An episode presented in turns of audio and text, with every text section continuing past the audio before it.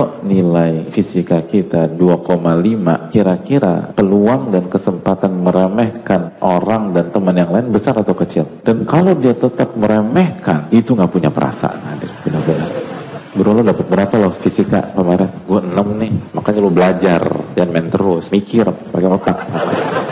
Emang lo berapa? 2,5 kan nggak punya perasaan ya. Jadi yang neng tuh dibodoh-bodohin sama dia. Beda kalau nilai fisika kita 9,5. Nah ini kadang-kadang lupa kita antisipasi hadirin. Kita berpikir tanpa kita menata hati kita dan mempelajari tazkiyatun nufus, otomatis kita aman dari penyakit ini. Jawabannya enggak. Sejarah sudah membuktikan. Semakin bertambah ilmu kita, semakin banyak kemampuan kita, semakin cerdas seseorang, semakin pintar seseorang, itu semakin rentan terjatuh ke dalam kesombongan jika tidak punya dasar yang kuat. Bahkan sering kali orang yang baru bertobat lebih mudah tawadu daripada orang yang udah lama ngaji. Karena orang yang baru tobat misalnya dan sadar benar dosa-dosanya yang kemarin masih seger diingatan. Dia akan berpikir apa yang saya bisa andalkan untuk meremehkan orang. Gak ada. Uang saya merasa paling pendosa kok. Tapi kalau mulai ada prestasi sana, prestasi sini, ngaji sana, ngaji sini,